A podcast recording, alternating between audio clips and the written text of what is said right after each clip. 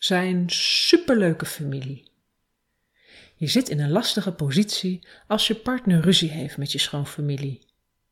Waar er twee partijen een conflict hebben, zijn er twee verhalen te vertellen en vanuit twee verschillende standpunten. Die standpunten lijken vaak tegenstrijdig.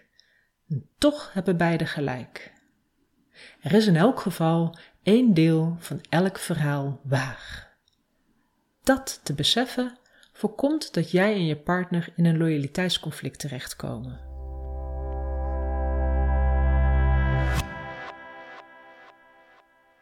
Over psychologie. Hallo, ik ben Mirella Brok, relatietherapeut en schrijver. En je luistert naar mijn artikel Zijn superleuke familie van overpsychologie.nl. Steun je partner in het verbeteren van familierelaties. Wanneer je een romantische relatie hebt met een van de twee conflicterende partijen, dan is het soms aanlokkelijk om partij te kiezen voor degene van wie je houdt. En soms staan mensen bijna blind achter een partner en dat lijkt op steun. Toch steun je je partner veel meer wanneer je de relatie tussen de conflicterende partijen ondersteunt. Door niet te kiezen voor alleen je partner, maar voor de relatie die nu in een conflict zit. Maar hoe doe je dat? Deel 1. 1. Besef dat beide kanten deels gelijk hebben en kies dan ook geen kant. 2. Vraag eens naar de relatie vroeger, voor het conflict. Want ooit waren de ruziemakers belangrijk voor elkaar. Juist daarom konden ze elkaar kwetsen.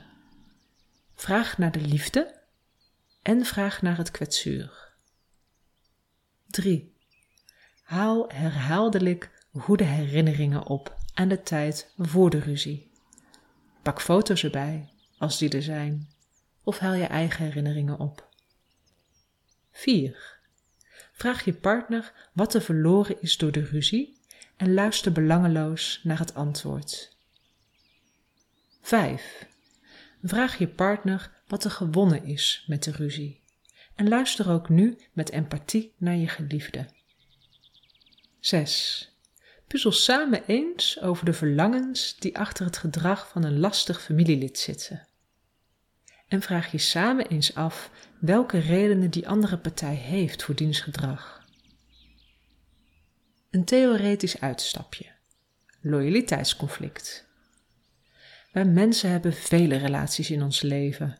Familierelaties, verschillende vriendschappen, werkrelaties, relaties in de buurt en relaties met bekenden. In al deze verschillende relaties voelt men loyaliteit. Vaak voelen mensen zich het meest loyaal naar mensen die hen ook het meest hebben gegeven. Bijvoorbeeld de loyaliteit naar een moeder voelt sterker aan dan naar een baas, omdat moeders vaak meer geven aan kinderen dan bazen aan een werknemer. Maar soms is het niet zo helder uit welke relatie we wat hebben ontvangen. En soms staan mensen voor wie we ons loyaal voelen tegenover elkaar. Dat voelt niet prettig, alsof je niet loyaal naar allebei mag zijn, alsof je moet kiezen. En dat kan dan voelen als een loyaliteitsconflict. Zelfs wanneer mensen boos zijn op familie, kunnen ze een conflict voelen in zichzelf, want kiezen mensen voor zichzelf of voor familieleden. Als partners met zo'n innerlijke worsteling partij kiezen, dan kan dat later averechts werken.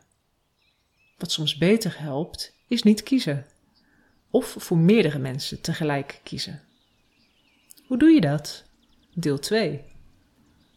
Kijk of je hulptroepen kan inschakelen. 1. Observeer welke andere familieleden, net als jij, geen partij kiezen, maar de relatie proberen te ondersteunen. 2. Accepteer deze familieleden stilzwijgend of hardop als hulptroep. 3. Wanneer je weinig hulptroepen in de familie vindt, dan kun je een contextueel hulpverlener overwegen. Want zij zijn opgeleid in deze moeilijke conflicten tussen meerdere relaties goed te begeleiden. Dus steun de relatie, niet het individu. Hoewel het steunen van je partner in een conflict met zijn familie lijkt op steun, kan het anders voelen voor je partner.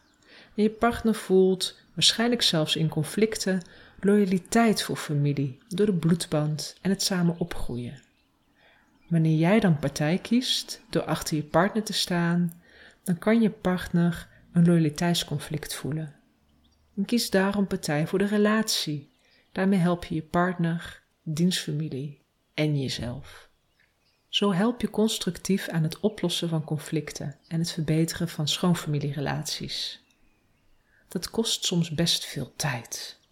En familieleden kunnen elkaar soms zoveel pijn doen. Blijf daarom geduldig en houd het eind toe voor ogen, zonder er zelf een onderdoor te gaan.